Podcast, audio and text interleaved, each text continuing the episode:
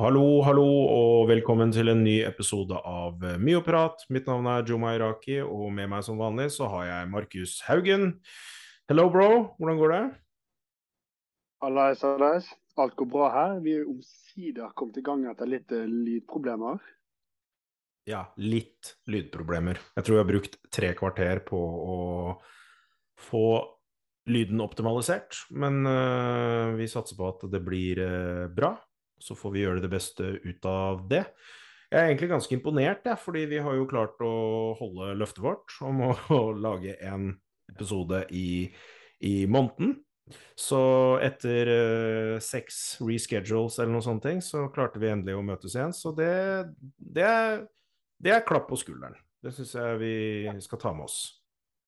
Jeg synes det er og Vi lever litt på kanten, da, for den forrige episoden var helt i starten av juli. og Nå begynner vi mm. nærme oss slutten av august. så vi er, det er nesten, altså Jeg tror vi er en uke unna at det er faktisk to måneder fra forrige episode.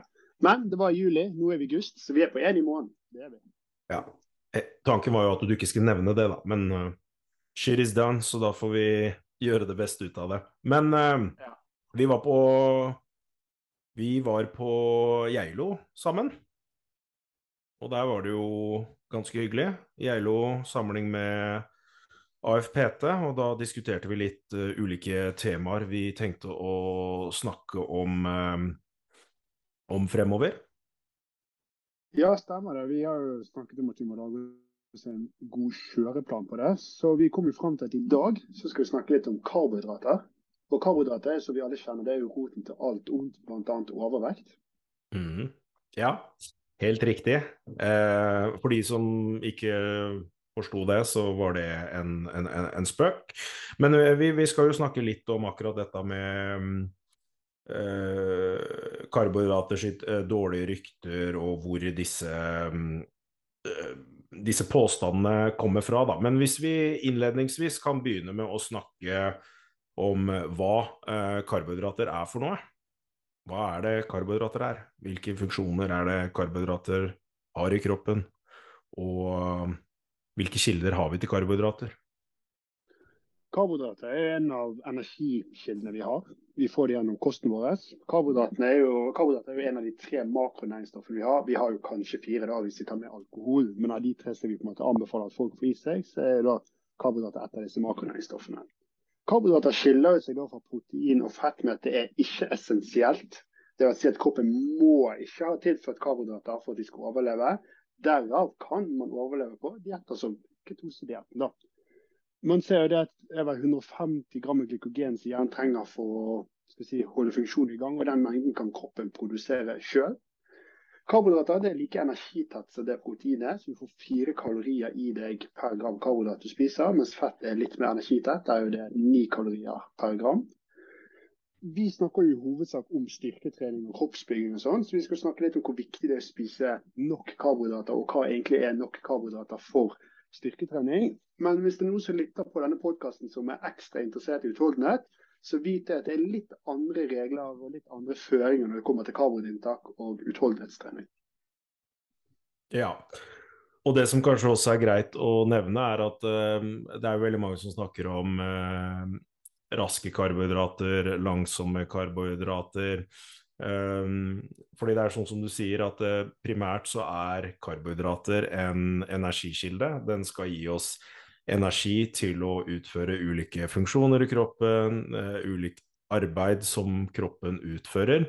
Det har også noen sånn mindre funksjoner med å bygge reseptorer på celle, cellenivå, uten at det er sånn uh, ultraviktig å, å, vite. Men uh, når vi snakker om raske karbohydrater og langsomme karbohydrater, så er det sånn at til slutt så blir på en måte sluttproduktet det samme. Altså det brytes ned, og så blir det til noe som vi kaller for eh, glukose. Så når vi snakker om raske karbohydrater og langsomme karbohydrater, så er det egentlig litt avhengig av hvor mange sånne glukosemolekyler det er satt sammen av. Så hvis du spiser brød, eller hvis du spiser eh, sukker, så vil på en måte sluttproduktet bli det samme. Det er selvfølgelig mer næringsstoffer i brød, men det er hastigheten på hvor raskt kroppen klarer å bryte det ned. Og det kan jo sånn helsemessig så er jo fokuset på å spise disse langsomme karbohydrat, sånn som grove kornprodukter, eh, eh, ris, eh, potet, frukt, grønnsaker, bær og de type tingene der. Um, men det, det, er noen settinger hvor det kan være fordelaktig å velge de raske karbohydratene. Og da tenker vi på idrett f.eks., hvor man må tilføre næring så raskt som mulig, så kan, en, eh, så kan, man faktisk bruke det til en fordel. fordi da er man ikke nødvendigvis så opptatt av vitaminene og mineralene og kostfibre, men man er mer opptatt av å tilføre kroppen eh, karbohydrater og energi så, så, raskt som mulig. Men nå er det jo litt sånn som vi snakket om innledningsvis, at eh, karbohydrater har jo et ganske dårlig rykte. og et, et sånt fenomen som jeg opplever veldig mye med, med folk som f.eks. har vært eh, forkjempere for lavkarbo, det er at de begynner på lavkarbo og opplever da å få en drastisk reduksjon i vekten sin.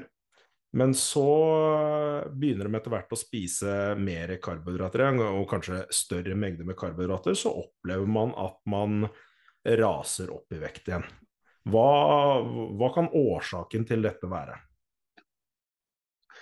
det er jo slett det vi snakket om litt innledningsvis. Det er jo dette med glykogen. Når du spiser karbohydrater, så blir dette brutt om og gjort om til glykogen. Og Hvis jeg ikke husker feil, så er ett gram med glykogen det binder vel det to eller tre gram med væske. Eh, 2,7. Ja, så Da var det i hvert fall mellom to og tre gram der. Ja. Så det vil altså si at Hvis du da plutselig kutter karbohydrat fra kosten din, eller plutselig introduserer karbohydrat i kosten din igjen, så vil du da enten miste en del væske, eller få tilført en del væske så kroppen begynner å holde. da. Og Det vil du kunne gi da en falsk negativ på vekten. da, med at, Eller en falsk positiv, alt dette hvordan du ser på det. med at oi, man ser plutselig, eller man tror at denne ketodietten er veldig effektiv, for man raser ned i vekt i starten. Men de aller fleste som går på diett og vil gå ned i vekt, vil i hovedsak gå ned i fettmasse. Men det er da væske du taper i kroppen. Og det samme når du begynner å tilføre karbohydrater, at du legger på deg denne væskebiten. Det gjør at man tror at man har gått opp og lagt på seg. Og så er det litt sånn ut ifra si, hvor mye muskelmasse du har på kroppen og fettmasse på kroppen, da, så kan noen, i noen tilfeller økt væskeansamling føre til at du ser mindre markert ut. Så igjen det kan være en sånn falsk negativ, men du tror at du har lagt på deg fettmasse. F.eks. karbohydrat-overspilling, som kan være noe som skjer. Og f.eks. for, for kroppsbyggere som driver og manipulerer med karbohydrater før de skal på scenen. Så mange tror det at det er fett de enten taper eller legger på seg, når det er egentlig væske som forsvinner eller kommer i kroppen. Ja, og det, og, og, og det, er egentlig eh, ganske viktig informasjon for folk å vite. Fordi det er ganske store svingninger i væskebalanse, og det er jo mer utprega jo større, jo større masse du har. Eh, altså jo større muskelmasse, men også hvis du har veldig mye fett på kroppen, så kan det være store variasjoner fra dag til dag. Men spesielt for jenter også, så ser man ganske store svingninger i væskebalanse, litt avhengig av hvor man er i menstruasjonssyklusen. Så eh, det finnes jo faser i menstruasjonssyklusen hvor man er mer sensitiv for væskeretensjon, og da mer sensitiv også for, for, eh, for karbohydrater, som da kan gi en drastisk eh, økning eller reduksjon i eh, væske, litt avhengig av om man spiser for lite karbohydrater eller for mye karbohydrater. Nå er det jo sånn at eh, man snakker mye om eh, at karbohydrater er årsaken til, eh, til fedmeøkningen på verdensbasis. Men hvis man ser på tall fra Helsedirektoratet, men også tall fra USA, så ser man at trenden er faktisk lavere når det kommer til totalt inntak av karbohydrater, men også totalt inntak av eh, sukker. Så vi har både sett en reduksjon i karbohydratinntaket, men også en reduksjon i sukkerinntaket, som da tilhører eh, karbohydratgruppen.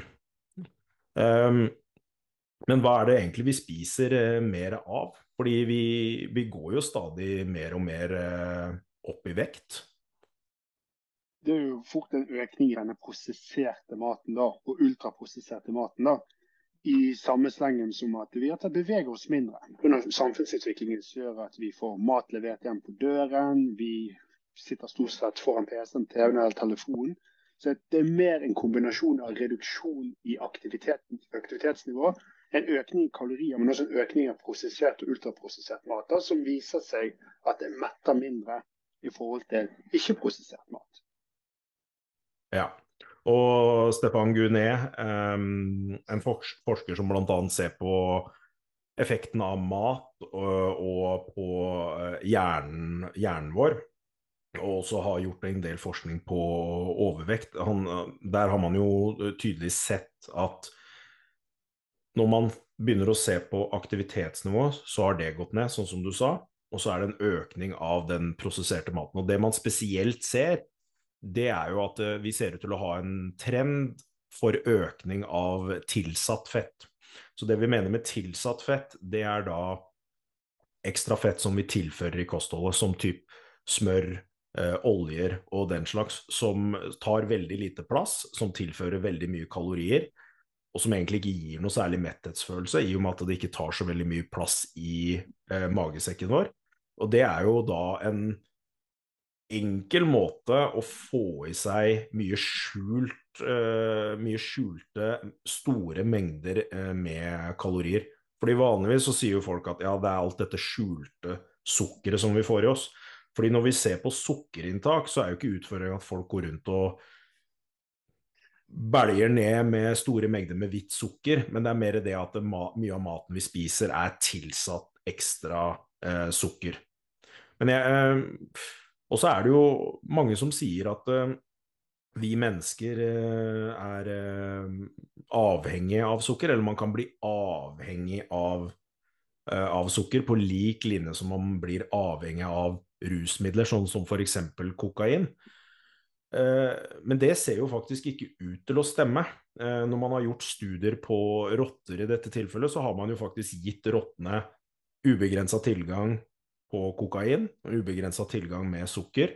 Og så har forskerne tilsatt et kvalmeinduserende medikament for både kokain og for sukkeret. Og da ser man at rottene fortsetter faktisk å innta kokain, men de slutter faktisk å spise sukker når man blir eh, kvalm av det. Så det at det er like avhengighetsskapende som kokain, det ser jo ikke ut til å stemme. Og så ser det egentlig mer ut som at det er egentlig ikke sukker i seg selv som gjør at folk craver nødvendigvis matvarer, men det er kombinasjonen av sukker, fett og salt som har en tendens til å overstyre metthetsfølelsen vår og belønningssystemet i hjernen, og som gjør at kroppen ønsker mer av disse matvarene. Og sett fra et sånt overlevelsesperspektiv, da, så, så gir det jo egentlig litt mening, fordi fett tilfører mye energi, det er enkelt å lagre det som fettvev. Eh, karbohydrater kan vi også lagre i kroppen, og salt kan vi også lagre i kroppen. Så ved mangel på mat, eller tilgang på mat, så er dette noe kroppen kan lagre, og så kan det bruke av det eh, når, når, det er eh, behov for det. Fordi du, du, du har på en måte ikke den samme eh, cravingen etter proteiner. Proteiner er litt mer sånn OK, g, g, g, g, det der holder. Ikke noe mer nå. Det er litt sånn man opplever det når man overspiser på proteiner. At det, det skal veldig lite til for at kroppen begynner å si at nå er jeg mett, nå ønsker jeg ikke mer. Sammenligna med karbohydrater og fett, og spesielt når det er eh, kombinert sammen. Definitivt. og så Spesielt dette her med at proteiner har jo vist å kunne ha en høyere, metthets, altså en høyere metthetsfølelse enn bl.a. karbohydrater og fett. Så når man ender opp med et kosthold som er lavt i protein, høyt i karbohydrater og høyt i fett, så er det lettere å overspise i form av kalorier. Men hvis du gir noen en høyproteindiett, så ser du at man automatisk begynner å nedregulere mengden kalorier man får i seg, fordi at man får disse metthetssignalene tidligere. Ja, en ting som også kanskje er verdt å nevne, er at uh, det var vel i å, Nå husker jeg ikke spesifikt tall når det var. Det må ha vært en gang mellom 2015 og 2017, tror jeg. Så kom det ut en studie fra, fra Kevin Hall. Uh, 2016, så du traff bra det. 2016, ja. Det er bra du har kontroll.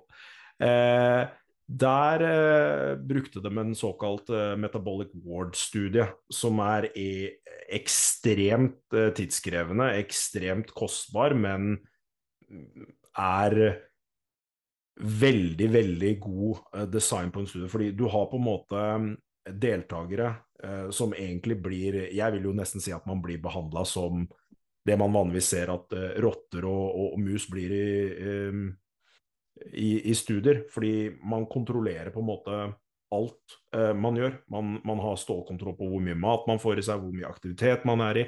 Så det er en ganske godt kontrollert studie. Og det de gjorde i den studien, det var at eh, man så på eh, et ketogent kosthold, altså ekstremt lavt inntak av karbohydrater, sammenligna med en tradisjonell diett hvor fordelinga mellom proteiner, karbohydrater og fett var ganske normalt fordelt. Men i denne studien så hadde man da matchet inntaket mellom de to gruppene, så de spiste så å si identisk mengde med kalorier. Og der så man faktisk ikke noe forskjell i eh, vektreduksjon. Og det er jo det som på en måte er litt av svakhetene med en del av disse lavkarbostudiene som har kommet ut tidligere, fordi man har ikke kontrollert i kontrollgruppen hva man faktisk spiser. Man har hatt, sett en tendens til at eh, den gruppen spiser betraktelig mindre eh, proteiner, som igjen ikke gir noe særlig god eh, metthetsfølelse. Og så er det i noen studier hvor kaloriinntaket ikke har blitt matchet. Og det blir jo da ikke en, en, en fair sammenligning når man gjør det på den måten. Nei, definitivt ikke. For det, det som var så bra med den Kevin H-studien, var at de hadde kontroll på såpass mange variabler at man kommer nærmere det vi kaller kausalitet, årsak-virkning. For disse andre studiene som vi prater om, der det ikke alltid er kontrollert for verken proteininntak eller totalt kaloriinntak, så får man ja, variabler som forstyrrer. Da. Og in the end of det så er det energi, altså kalorier inn og kalorier ut, som vil avgjøre dette.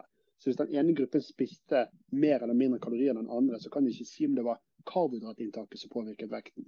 Eller om det var kaloriene, når det mest sannsynlig er kaloriene. Så det er også veldig viktig for de som leser studiet der ute. Prøv å se litt hva man har gjort i studiet, hva man har kontrollert for, og se om de faktisk ser på det de ønsker å se på.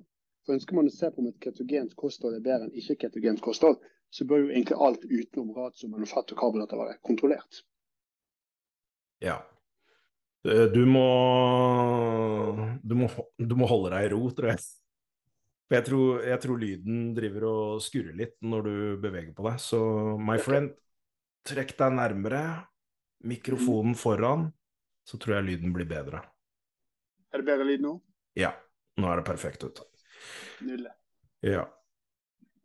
Vi skal gå eh, litt videre. Eller nei, vet du hva. Vi skal, eh, før vi går videre, så bør vi jo på en måte ha en litt sånn take home message på akkurat det. Fordi nå var det sånn Ja, karbohydrater er ikke så Men det er også som alt annet, veldig kontekstbasert.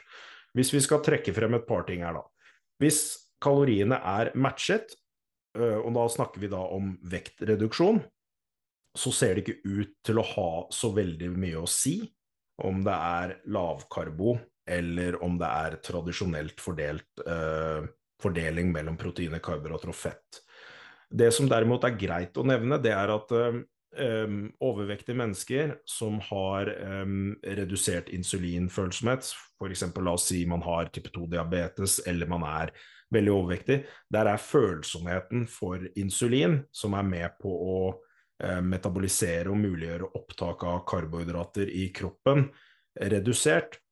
Og de menneskene ser, har en tendens til å føle at uh, mye karbohydrater trigger mer sult fordi blodsukkeret blir veldig sånn uregulert. Men det har jo da en tendens til å bli mer sensitivt og følsomt hvis man går eh, ned i vekt. Så i noen tilfeller hvor jeg jobber med mennesker som er veldig overvektige, så, så har jeg en tendens til å ha et lavere eh, karbohydratinntak i starten, men etter hvert som de går ned i vekt, så øker vi mer på karbohydratene og reduserer kanskje inntaket på, på fett betraktelig. Og dette handler da ikke om at det er noe galt med karbohydrater, men eh, det handler mer om eh, hva er det som er enkelt for denne personen å følge over tid. Fordi de opplever gjerne at det er lettere å kontrollere sult eh, når man gjør det på denne måten. Men så er det litt sånn som vi skal gå inn på nå, at eh, hvis man driver med mye styrketrening og prestasjon, så har jo karbohydrater ganske mye fordeler. Så det er fornuftig å ha et til, tilstrekkelig inntak av det. Definitivt skal det også nevnes at personer som sliter med insulinsensitiviteten og kan øke, altså bedre insulinsensitiviteten sin med muskelkontraksjoner. Så Der vil du bl.a. styrketrening hjelpe, men også rett, og slett generell bevegelse når vi snakker om en populasjon som overvekter, da, som som regel ikke trener. Mm. Du har jo også um, Metformin er jo en medisin som uh, brukes av uh, diabetikere. Men, uh, og det er egentlig ganske interessant med metformin, fordi metformin har jo da en tendens til å øke insulinfølsomheten.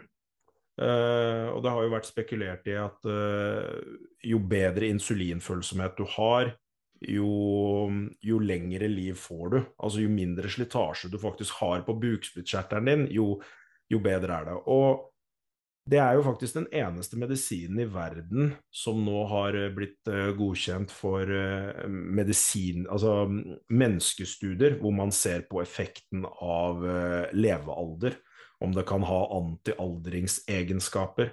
Og det kom faktisk av at man så at rotter, eller jeg husker ikke om det var rotter eller mus, men når de fikk metformin, så levde de lenger. Og så begynte man å bruke denne medisinen på mennesker, og så så man at de med type 2-diabetes som gikk på metformin, sammenligna med de som ikke gikk på det, eh, de hadde en tendens til å leve eh, lenger.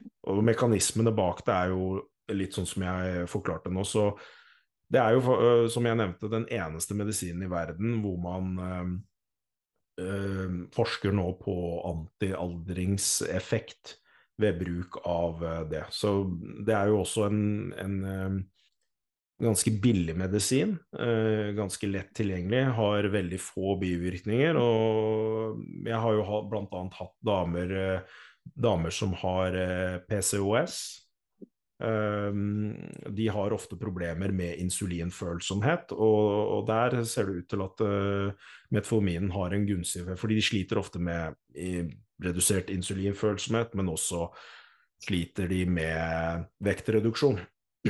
Så det er jo ikke en direkte en, en, en slankemedisin, men den ser ut til å kunne optimalisere insulinfølsomheten, som har mange positive Eh, helseeffekter, men også positivt for eh, vektreduksjon. Og Man ser jo òg at kroppsbygger på høyt nivå også benytter seg av eh, denne medisinen. her. Ja, stemmer.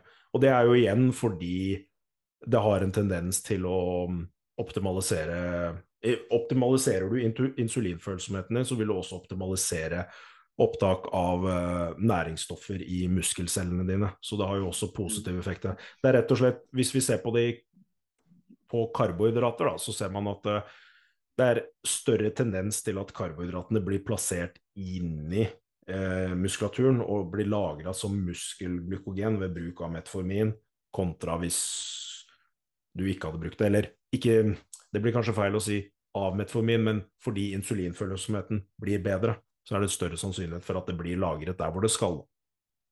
Ja, og som vi skal snakke om senere, så vil jo det være fordelaktig å lagre mest mulig glykogen innad i muskelen, altså som muskelglykogen.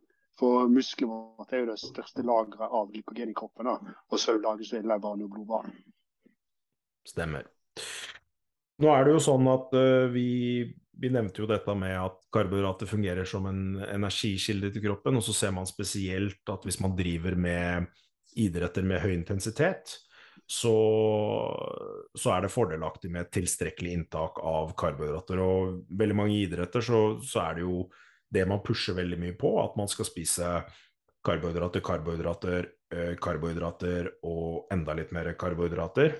Men nå har jo det heldigvis endra seg litt de siste årene, fordi man ser at litt avhengig av hva slags type idrett du driver med, eh, hva slags type intensitet du har, så har man begynt å matche karbohydratinntaket opp mot den mengden arbeid du skal gjøre, altså hvor, hvor, hvor, lenge du skal holde på, men også hvor hardt du trener. Fordi det, det, er jo egentlig ganske logisk at du trenger ikke like mye karbohydrater på en, en um, teknikkøkt sammenligna med hvis du skal drive med um, en langvarig økt med høy intensitet. Da vil jo karbohydratbehovet være betydelig høyere.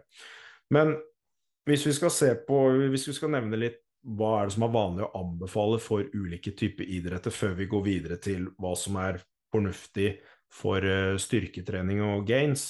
Hvor stort er det spriket med, med anbefalinger?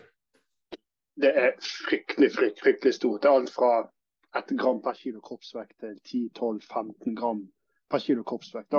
Og blant annet I en sånn stor eh, review-artikkel fra Det europeiske fotballforbundet der de snakket om, det er en sånn ekspertgruppe da, skulle komme en sånn konsensus rundt eh, eh toppfotball og kosthold, så brukte vi halve artikkelen på å snakke om karbohydrater. Og Det sier litt om hvor mye man vektlegger bl.a. karbohydrater i fotball og på elitenivå. Så ja, alt etter lengde, intensitet på idretten du driver på med, så kan anbefalingen være opp til 10-15 gram eh, karbohydrater per kilo kroppsvekt. Ja, og det, Man ser jo vanlig, vanligvis at de, de, høyeste anbefalingene ser man gjerne med sykling, eh, langrenn eh, og annen type utholdenhetstrening hvor man driver med kontinuerlig arbeid eh, over tid. Fordi det er jo kanskje det som skiller seg litt fra styrketrening og uh, utholdenhetstrening når det kommer til karbohydratbehov. At når du driver med utholdenhet, så utfører du arbeid, og så er det kontinuerlig over en lengre periode. Mens når du driver med styrketrening, så er det ofte sånn at du utfører litt arbeid, og så har du pause, og så utfører du arbeid, og så har du pause. Og det gir jo da kroppen mulighet til å resirkulere ganske mye av de substratene som er der til stede. Eksempelvis når du driver med muskelarbeid som eh, produserer veldig mye laktat. Eh, når du da tar en pause og, og lar kroppen tilføres eh, oksygen, så vil jo laktatnivåene gå ned, og da kan jo eh, laktat resirkuleres som en del substrater som kan brukes som energi på, på cellenivå. Så det er jo der um, forskjellen er. Men hva, hva vi, har jo, vi, har jo, hatt um, noen studier som ser på karbohydratbehov, eller glykogenbehov, eh, når man driver med styrketrening. Og kanskje den studien som er eh, mest kjent, eller den den ofte blir referert til, er den brutale treningsprotokollen brukt i TESH-studien fra 1986, hvor deltakerne trente Jeg tror det var Det var vel Var det fem sett knebøy og frontbøy og beinpress og leg extension? Stemmer det? Ja, det kan stemme. Ja. Ja. Uh, det som er spesielt her, det er jo da at alle de settene blir tatt til uh, muskelutmattelse. Så er, vi snakker 20 sett med, uh, med failure-trening i en og samme økt. Og da så man en reduksjon på glykogenlagrene på 40% Og det er jo egentlig ikke så mye med tanke på hvor mye arbeid som har blitt utført.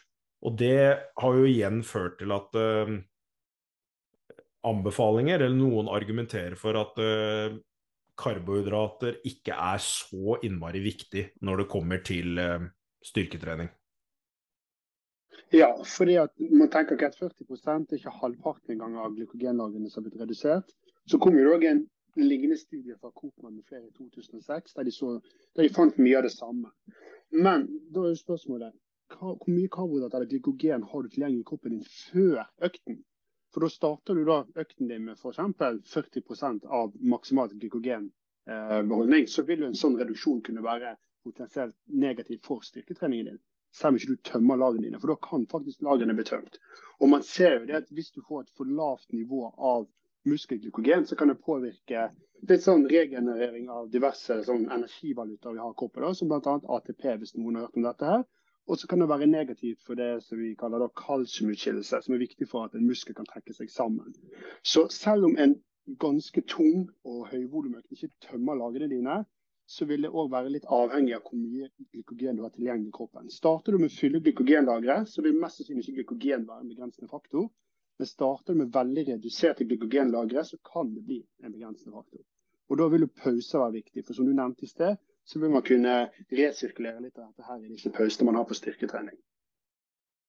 Ja, fordi det, det, det, ser jo, det, ser jo, ut som man har en, um, en såkalt terskel for uh, glykogenterskel for hvor det bikker under et visst nivå. Selv om det ikke er tømt, så, så, så klarer du på en måte ikke å ha samme uh, kraftutvikling når du driver med med styrketrening.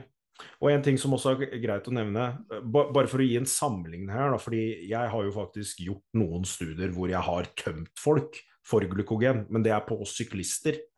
Eh, og, og, det er ikke sånn at du, hvis du sykler en time, en sånn søndagstur på, på en time eller to, eh, så er glykogenlagrene tømt. Eh, det krever faktisk ganske mye for å tømme glykogenlagrene. Det vi gjorde i den ene studien jeg hadde på syklister, det var at uh, vi eh, regnet ut noe som heter peak power output. Det, det vil da si hvor mye um, watt man klarer å, å tråkke maksimalt over en, en, en periode. Altså det, det, er hvor mye kraftutvikling du kan ha mens du tråkker på pedalene, kort fortalt.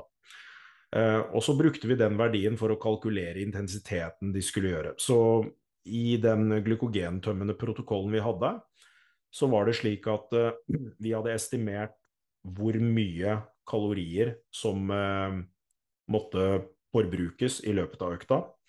Og så gjorde vi følgende. 80 uh, av Altså vi tok intervaller på to minutter hvor de tråkket på 80% av peak power output. Og så var det to minutter på 50% og så var det to minutter på 80% to minutter på 50% Og sånn holdt vi på i Jeg tror en av de best trente i studien, han holdt på i 1 time og 40 minutter. Men mange av deltakerne de lå rundt eh, to timer, og så var det noen vi hadde på rett i overkant av to timer. Men da snakker vi intervalløkter på mellom 1,5 og 2 timer og 15 minutter. Så det er fortsatt ganske krevende å tømme deg fullstendig for glykogen, selv når du driver med utholdenhet og driver med eh, kontinuerlig arbeid. Så det man kan si, da, er at hovedskillet mellom utholdenhet og eh, styrketrening er at kalorimessig så vil man jo også se at behovet er betraktelig høyere hvis du driver med utholdenhet. Eh, man har jo f.eks. syklister som veier rundt 70 kg, og på toppetappene på Tour de France ligger på 6000-8000 kalorier. Og det er bare for å fuele energien som kreves for å sykle etappene. Og da vil det jo være ganske store mengder med karbohydrater som inntas. Mens hadde du tatt tilsvarende person som trener styrke, eh, styrketrening for muskelvekst, så vil jo nummer én energibehovet vil jo være betraktelig lavere, og det vil igjen være betraktelig lavere behov for uh, karbohydrater. Så det, det, det, gir jo ingen mening å veie 70 kg og innta 12 gram kilo kroppsvekt med karbohydrater hvis du trener eh, styrketrening én time ca. fire til fem dager i uka. Fordi det er greit at du trener en time, men hvis du begynner å se på ok, jeg var på gymmet i en time, men i løpet av den timen, hvor mye av den timen var det du faktisk utførte arbeid? Hvis du begynner å trekke fra pauser du har imellom settene dine, hvor mye arbeid er det du egentlig har utført? Det er ikke snakk om så veldig mye da. Og det ser man igjen også på energiforbruk ved å trene styrke. For det er mange som er sånn Jeg trener fem-seks dager i uka med styrketrening. Ja ja, men det tilsvarer jo ekstremt lite energimessig. Eh, forskjellen blir jo da hvis du har eh, Jo større du er, og jo mer muskelmasse du har, og jo mer muskelmasse du klarer å aktivere i løpet av en treningsøkt, jo høyere vil energiforbruket ditt være ved en styrketreningsøkt. Ja, Det var jo en ganske interessant studie som så på det, da, uten at vi skal snakke for mye om den biten der. da, og De så jo det at for hvert sett med markløft der du 170 kg, og tok enten seks eller åtte repetisjoner, så forbrente du 10-15 kalorier. Og hvor mange er det som gjør veldig mange sett med 170 kg, 6-8 repetisjoner i markløft? Du skal gjøre ganske mange sett før det utgjør noe. Og det man ser sånn generelt sett på de tre-fire studiene jeg har sett på når det kommer til kaloriforbruk og styrketrening, er at damer ligger på 150-250 kalorier. Dvs. Si oppå det de har forbrent i hvile. Og menn ligger fra 200 til opp mot 400 på de største mannfolkene. Og Det er et dose-respons-forhold. Jo større du er, og jo sterkere det er, jo mer muskelmasse du har og kan bruke, jo mer forbrenner du. Men det er forsvinnende lite sammenlignet med bl.a. utholdenhetsidretter, som du nevner. da. Mm. Og en ting som er greit å skyte inn her, det er når vi snakker om dette med det er jo mange som har sikkert hørt at ja, vi, det, er, det, er, gunstig å ha mye muskulatur, fordi hvis du har mye muskler, så, så har du en høyere hvileforbrenning. Men José Antonio har jo gjort noe forskning på akkurat dette området, og jeg har jo også gjort ganske mye forskning på akkurat det her, og det er ganske lite i hvile eh, som du har noen fordeler av hvis du har mye muskulatur. Jeg tror eh, jeg tror det ble... Wang fant ti kalorier per kilo muskelmasse per dag. Ja, jeg tror det var mellom fem og ti, noe rundt der. Ja, mellom fem og ti ja, mellom fem og ti kalorier per kilo eh, muskelmasse ekstra du har, per dag. Så det er jo Legger du på deg Altså hvis du hadde lagt på deg fem kilo med muskler, da, så snakker vi ca. 50 kalorier det, det er noen cherrytomater, liksom, så det er jo ikke ganske store mengder å snakke om. Men forskjellen ser du når du er i aktivitet. Fordi for, det er der fordelen med mye muskulatur kommer inn. Når du trener styrke og har mye muskler, så vil du se at energiforbruket ditt vil være betraktelig høyere kontra hvis du hadde hatt mindre muskler, fordi det er mer muskulatur som aktiveres og som krever energi. Og så er det generelt at de som er bedre trent, har mer muskelmasse, vil aktivisere seg mer i løpet av hverdagen. En utrent person syns det er veldig slitsomt å gjøre ganske vanlige ting, og vil sitte mer i ro.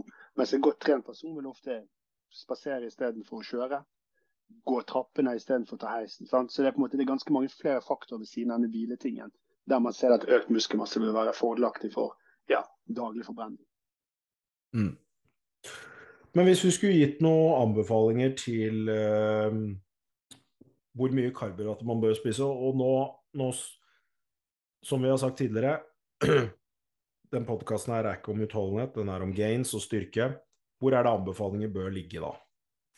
Generelt sett ligger det anbefalinger på mellom 3 og 6 eh, gram karbohydrater per kilo kroppsvekt. Da. Men dette vil også være veldig avhengig av ditt totale kaloribudsjett. Fordi at som regel så fordeler jeg protein først. og Da er det alt mellom 1,6 og 2,2 normalt sett. Da, men la oss si 2 gram der, da. Så må du ta fett også, for fett er jo essensielt.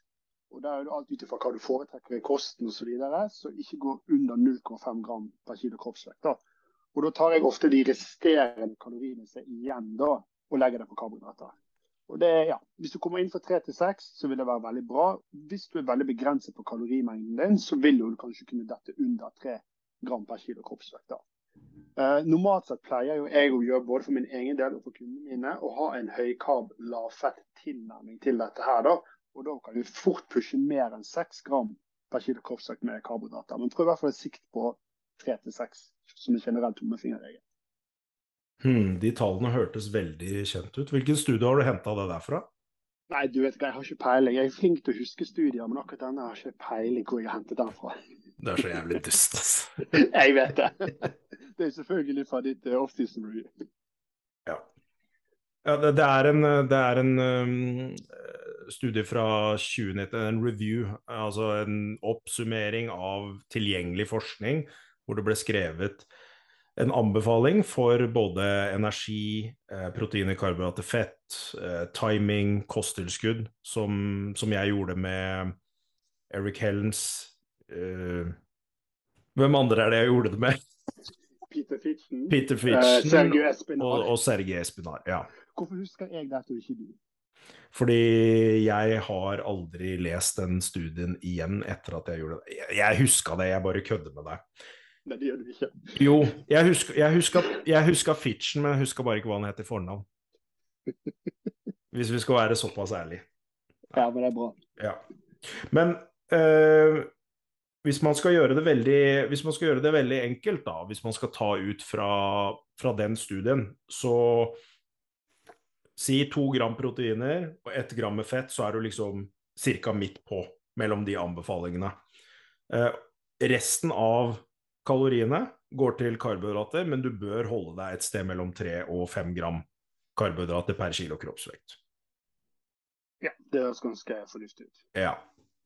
Uh, og den, den, siste delen der er kanskje litt viktig å ta med at uh, hvis du ser at du faller under det, 3 gram, så kan det være lurt å redusere fettinntaket for å frigjøre mer av kaloribudsjettet ditt, sånn at du kan flytte mer til, eh, mer til karbohydratene. Er det noen fordel, tenker du, for de som driver med styrketrening og driver med noe oppkarbing? Altså hvis vi, hvis vi ser vekk fra Hvis vi ser vekk fra prestasjon, da. Er det noen fordel å, å, å karbe opp? Ja, altså hvis du tenker da på det visuelle, Ja. ja, så er det veldig vanlig at når man kommer til den såkalte peak week, da, som er siste uke før man skal eh, gå på scenen hvis man driver med fitness, da, at man driver og manipulerer litt med karbohydrater. Og da har vi backloading-protokoller, vi har frontloading-protokoller. Og uten at jeg skal gå i dybden på hva som eventuelt er best av de to, da, så handler det om du skal spise mye karbohydrater i starten av uken, eller om du skal spise mye karbohydrater i slutten av uken. Men det er jo gjort noen studier på dette området. her. da. Barman med flere gjorde bl.a. en studie her på seks kroppsbyggere, der de benyttet en sånn karbohydratloading-protokoll. Og Da så de det at det var en signifikant økning i såkalt muscle thickness etter tre dager med eh, 290 gram karbohydrater om dagen. Det ble ikke tatt dopingkontroll under denne studien, her, så vi vet ikke om disse utøverne var rene eller ikke rene. En annen studie fra Moraes med flere, der er de 25 mannlige amatørkroppsbyggere, men de var på et høyt nivå, så de var rett under på en måte det profesjonelle, dette IFBB Pro, da, så rett under dette her. da. Og Der så man det at eh, der tok man en såkalt blindet studie. Så Da fikk dommerne se bilder av de før og etter karbohydratmanipulering. Men det var bare halvparten av deltakerne. Nei, men eh, de fikk, Dommerne fikk ikke vite hvilken av bildene som var før og etter karbohydratmanipulering. Og det var jo bare jeg tror det var et døgn mellom det første og det andre bildet, så det har ikke vært noe potensial for muskelvekstbygging. Og uten at dommerne visste om de hadde fått i seg eh, mye karbohydrat eller ikke, så så man det at ingen av de bildene som ble tatt før karbohydratmanipulering, eh, gjettet dommerne hadde fått karbohydratmanipulering. Og man så også en 3% økning i muskelstørrelse når man tok eh, ultralydbilder av armene. der. Så, så man ser dette her, da, så kan man rett og slett manipulere størrelsen på muskler ved å f.eks. først ha veldig lite karbohydrater, og så spise fryktelig mye karbohydrater etter hvert. Men man kan også gå på en liten smell av å spise for mye karbohydrater og få en såkalt overspilling-effekt. Rett og slett så mye glykogen og karbohydrater og væske som lagres at noe av separasjonen for eksempel, mellom muskler og muskelfibre forsvinner litt, da, som er ganske viktig når man skal stå på scenen. Ja, hva, hva, hva, er det som skjer egentlig da, hvis du um, bommer litt på det med å innta karbohydrat, og du rett og slett spiser for mye karbohydrater? Da ser du rett og slett det vi kaller litt bløt ut. Du ser ikke så hard ut lenger. Så f.eks. hvis du har veldig tydelige separasjoner mellom eh, magemusklene, og så spiser du veldig mye karbohydrater, så ser det plutselig ut som du faktisk har lagt på deg litt fett. Fordi at separasjonen forsvinner, du har ikke sånne dype eh, skiller mellom muskler. F.eks. på lår og rumpe så vil jo de aller, aller mest markerte personene så vil man kunne se muskelfibrene. da. Altså, Man kan se de separasjonene der. Den vil kunne forsvinne. Så det å rett og slett spise for mye her vil jo ha en negativ effekt. og Derfor er det mange som tenker å spille litt sånn better safe than sorry-strategi i peak week. Og ikke tukle for mye med karbohydratmanipulering. For det kan rett og slett få en negativ effekt også. Men man ser jo det at hvis man gjør det riktig, så vil man få en positiv effekt. Vi hadde jo f.eks. en case-studie fra Schoenfeldt og Escalante der de fulgte en naturlig kroppsbygger på veldig høyt nivå. Og der så man det at Den hadde en såkalt backloading-protokoll. De første tre dagene i peak week så spiste han 50 gram med karbohydrater. Og på slutten av peak week så spiste han 450 gram med karbohydrater. Så det var jo en ganske stor økning i karbohydrater.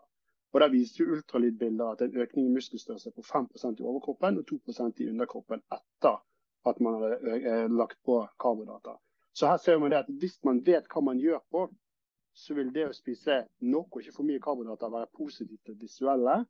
Men en god karbohydratprotokoll vil ikke dekke over for en for dårlig contest prep. Så hvis du ikke er lean nok og har nok fettprosent, så er det ikke vits å begynne å leke frem og tilbake med karbohydrater. For det er ikke en dag og natt forskjell.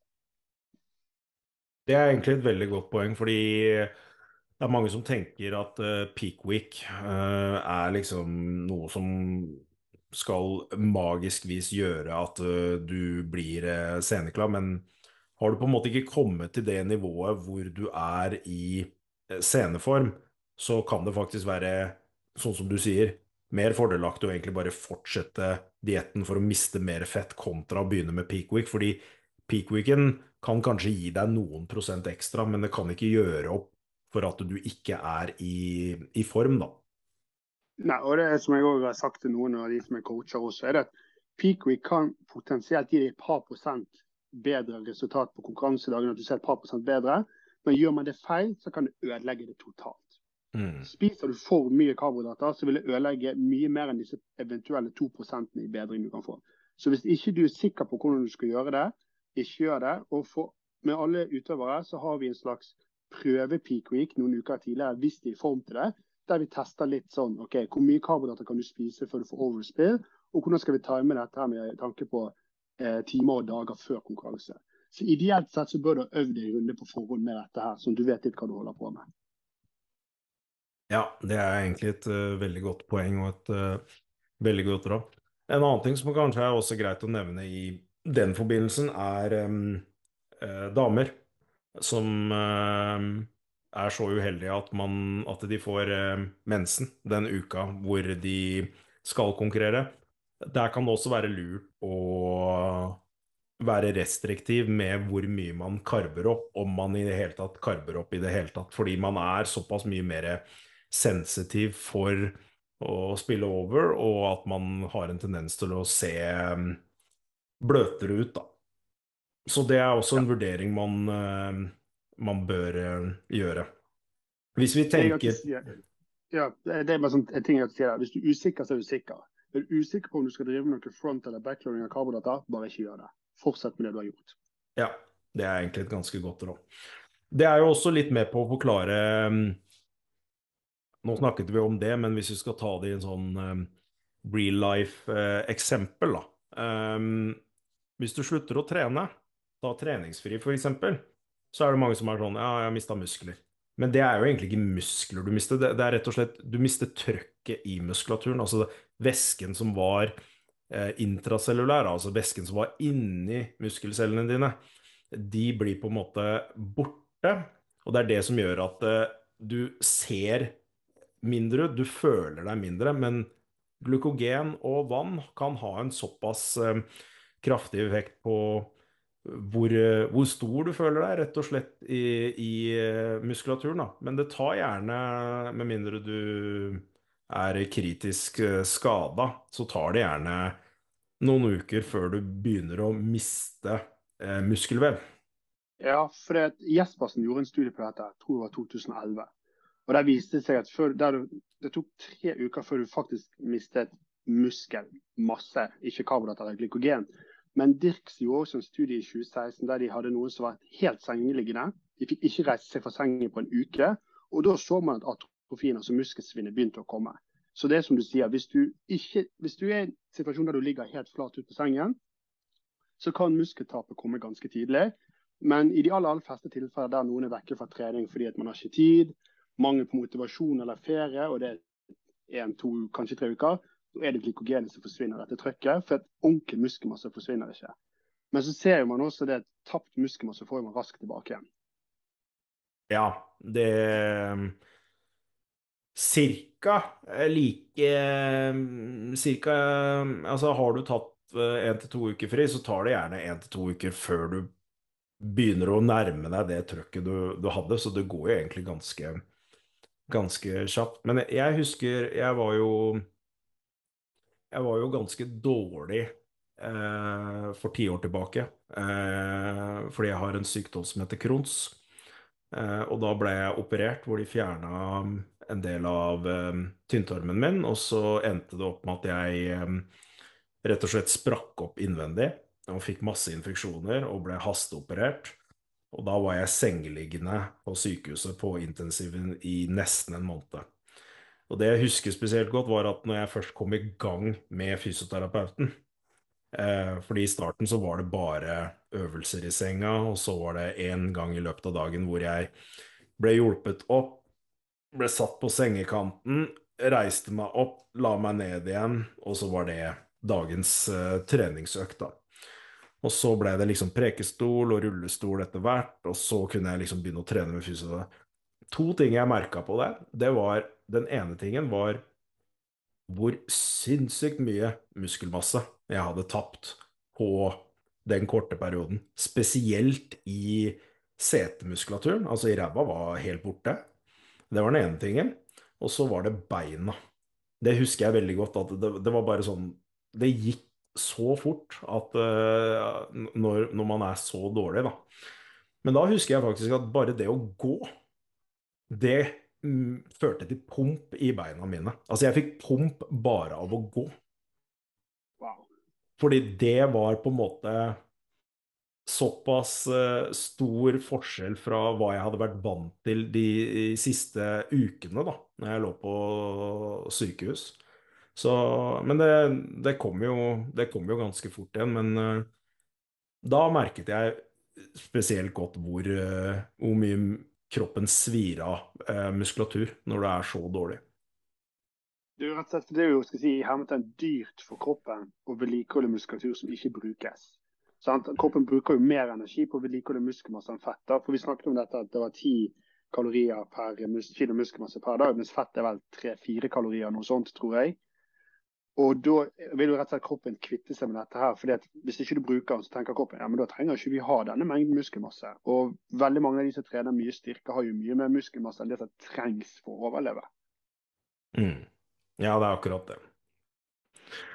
Det er akkurat det. Dette kunne vi sagt, sikkert eh, snakket eh, veldig mye om, eh, men vi må, vi må, gå litt videre. Ja.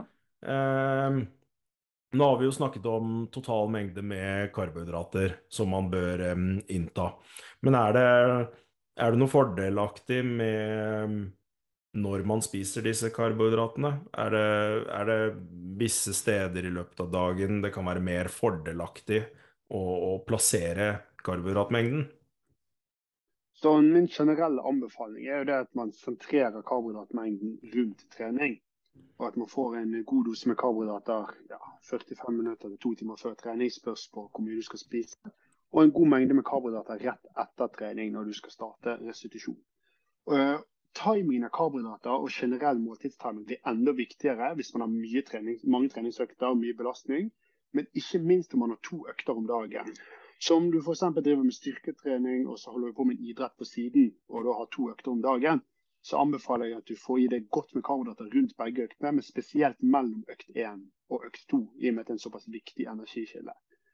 Det andre man ser, er at faktisk leveren kan ta opp opptil 50% av eh, karbohydratmengden bare mens du sover.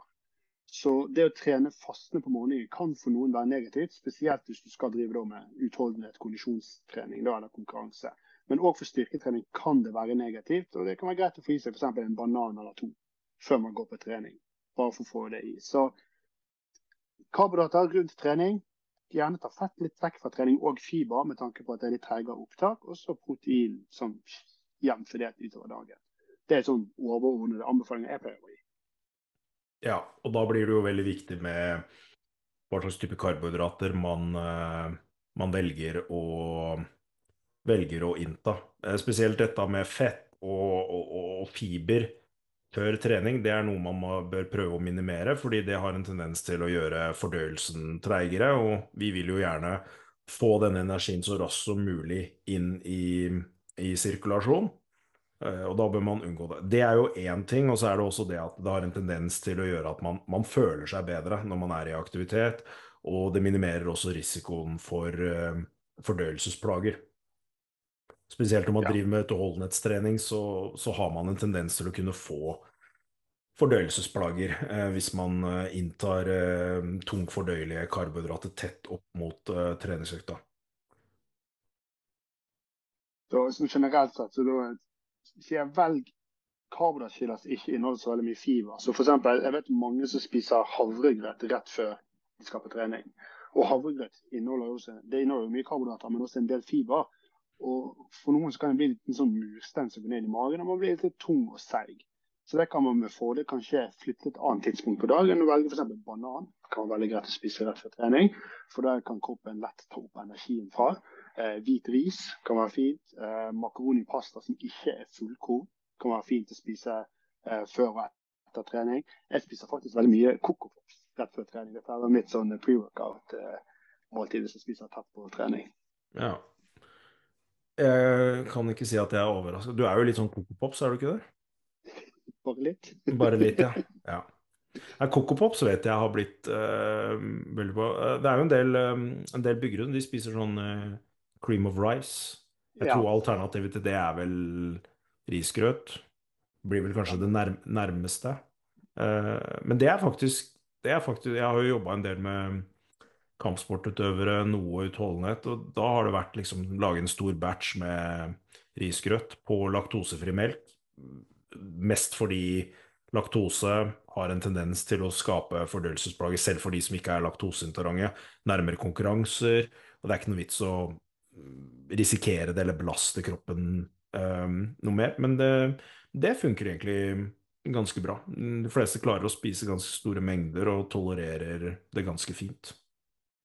Ja, og Det er jo spesielt viktig om du driver med f.eks. om det er fotball, håndball, sykling og litt sånn ja, idretter som er litt mer kontinuerlige. Da bør du tolerere store mengder.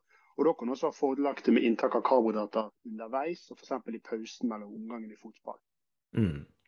Men det er jo sikkert også viktig å nevne at hvis du Litt avhengig av hvor tett opp til økta du også spiser. Fordi mm. spiser du et måltid uh, tre timer før, så er det kanskje ikke av like stor betydning at du velger disse enkle variantene. Men hvis du skal f.eks. spise hvis du skal spise et måltid og skal trene en time etterpå, da bør du på en måte fokusere på ting som er kjapt. Du går kjapt inn i systemet, ikke belaster fordøyelsen din og de type ting. Men du kan fint spise et måltid med uh, mer fett og mer fiber, så lenge det er tima såpass langt unna eh, treningsøkten. Men etter trening, da bør det nok være noe som, eh, som går kjapt.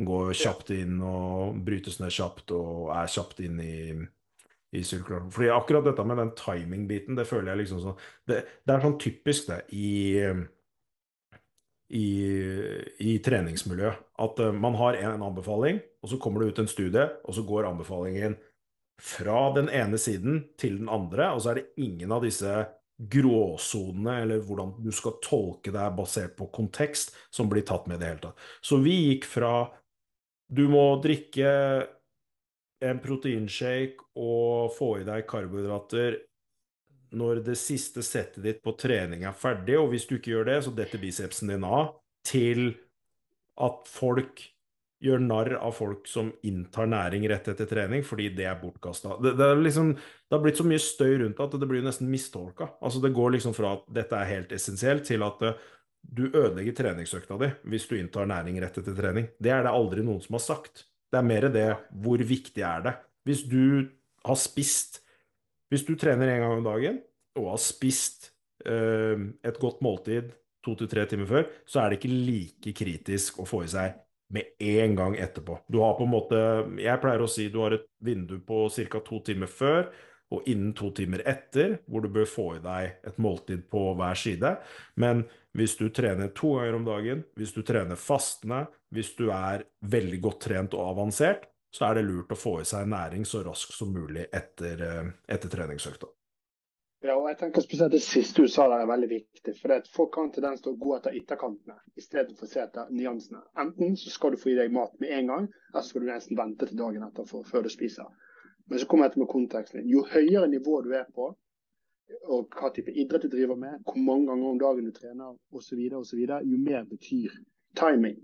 Trener man skal si litt mer for helsen sin del, man mosjonerer litt mer, og man syns det er veldig styr og stress, og det kan gå utover etterlevelsen, så trenger man ikke fokusere så mye på disse detaljene. Men driver du med toppidrett, så blir dette viktigere. For denne eventuelle 1-2 prosentvis eh, prestasjonsforbedringen kan være forskjell på første, andre, tredjeplass. Så man må alltid se hvem er det man snakker til, og hvem er det man har med å gjøre før man kommer med disse anbefalingene. Det er sjelden jeg hadde gått til, eller sjelden, jeg ville nok aldri gått til en helt nybegynner på treningssenter eller en som bare trener litt for å holde seg i aktivitet. og begynne sånn, Du må spise sånn type glykemisk indeks, du må spise sånn og sånn og sånn. Eh, 44,5 minutter før trening. Det blir veldig mye støy for denne personen her. Hvis du heller fokuserer på å spise jevnt i løpet av dagen, spise litt karbohydrater, bra med protein og fett, så vil det løse mesteparten av problemene eller utfordringen for denne personen. her. Men kommer det en til meg og sier jeg har lyst til å bli verdens beste kroppsbygger, da må vi på det detaljnivå. Da må vi se på dette her og time ting litt mer. Så alltid tenk på hvor er du i din treningskarriere. Har du et veldig høyt hengende mål, har du ikke det? Trener du doble økter, gjør du ikke det? Det vil farge litt hvor du skal legge deg på denne listen her. Alt fra timing er veldig viktig til timing er ikke så viktig. Helt enig. OK, skal vi wrap it up med en uh, oppsummering? Vi kan jo ta Vi kan jo egentlig ta total mengde med, med karbohydrater og um, hvorfor det er viktig for styrke, og um, distribusjon og timing av det. Og da er jeg såpass sleip at jeg kaster den ballen til deg, og så kan du få avslutte podkasten i dag. Ja, Det var jo veldig hyggelig gjort av deg. Vi ble jo egentlig enige på forhånd at det var du som skulle ta oppsummeringen, så men det er greit. Jeg får ta det. Nei da. Eh, karbohydrater er viktig for styrketrening, rett og slett fordi at karbohydrater er en energikilde, eller nok glykogen som blir til, en energikilde. Den kan være viktig for det visuelle, det å få nok eh, glykogen lagret innad i muskulaturet. Men det kan også være viktig for rett og slett å ha nok energi til å gjennomføre muskelkontraksjoner. Det vil si at muskel trekker seg sammen. Generelt sett så fordeler du karbohydrater etter du har fordelt protein og fett, og prøv å ha mellom 3 til 6 eh, gram karbohydrater per kilo kroppsvekt. Det er ingenting negativt med å gå høyere, men dette du lavere enn 3 gram, så kan du prøve å flytte noe av eh, kaloriene fra fett over på karbohydrater med mindre du går under 0,5 gram med fett. Da må du ta karbohydrater. Eh, når det kommer til timing, og, og sånn sett, så kommer du veldig an på hva idrett du driver med. Treningsmengde, belastning og si, hvor seriøs du er. Men generelt sett så spiser du ja, to timer før trening og to timer etter trening. Trener du doble økter om dagen, er det veldig viktig at du får i deg karbohydrater raskt etter trening. Unngå for mye fiber og fett tett opp mot trening både før og etter trening. For det kan være med på forstyrre fordøyelsen din litt, og kan kanskje gi deg mageproblemer, som er spesielt viktig å unngå når du driver med utholdenhetsidretter.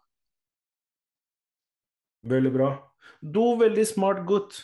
Jeg hadde ikke giddet å pine meg gjennom nesten en time med den der slitsomme bergenserdialekta di, med mindre du var så smart. Så veldig bra jobba, bror. Veldig bra. Takk for det. Takk for det. Jeg som bærer denne podkasten, så du skal bare være glad for at jeg sitter her.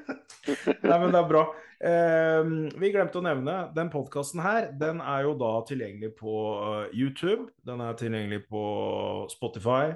Eh, hva heter det på Apple nå? Stitcher. Eh, Stitcher. Som pod dette er podkast på Apple. Altså SoundCloud, Spotify, YouTube, Stitcher, om det er Apple Music eller podkast-appen. En av de begge. Det er jeg litt usikker på. Uh, det er jo ikke noen flere steder tilgjengelig. Nei. Det er det ikke. Jo, vi har jo en side på Instagram nå som heter Myoprat, som er like aktiv som podkasten. Så jeg anbefaler å følge den. ja, den bør du følge. Og det dere kan gjøre på Instagrammen vår, det er eh, Send oss gjerne en eh, DM, eller eh, kommenter på, um, på de jeg tror det er to bilder vi har der, så den er jo som du sier veldig aktiv. Men eh, send oss gjerne en DM, eller kommenter hvis det er ulike temaer dere har lyst til å ta opp, som omhandler styrketrening, muskelvekst, fettforberedning fettforbrenning. Hvis det er utholdenhet, så kan dere skippe alle de til eh, prestasjonsprat med Melina. Riktig. riktig. Og hvis det er noen som ønsker noe eh, prat om skader og rehab, og sånt, så får man sende melding til Benjamin Christensen og Sterkere-podkasten. Helt riktig. Yes, Markus. Takk for, uh, takk for i dag. Uh, vi ja. må få til en uh, podkast ganske kjapt igjen hvis vi skal holde det vi lover. Så we'll keep in touch, og så finner vi en ny dato for å spille inn en ny episode. Yes. Tusen takk for i dag, og så snakkes vi på. Det gjør vi. Greit, det. Ha det. Ha det bra.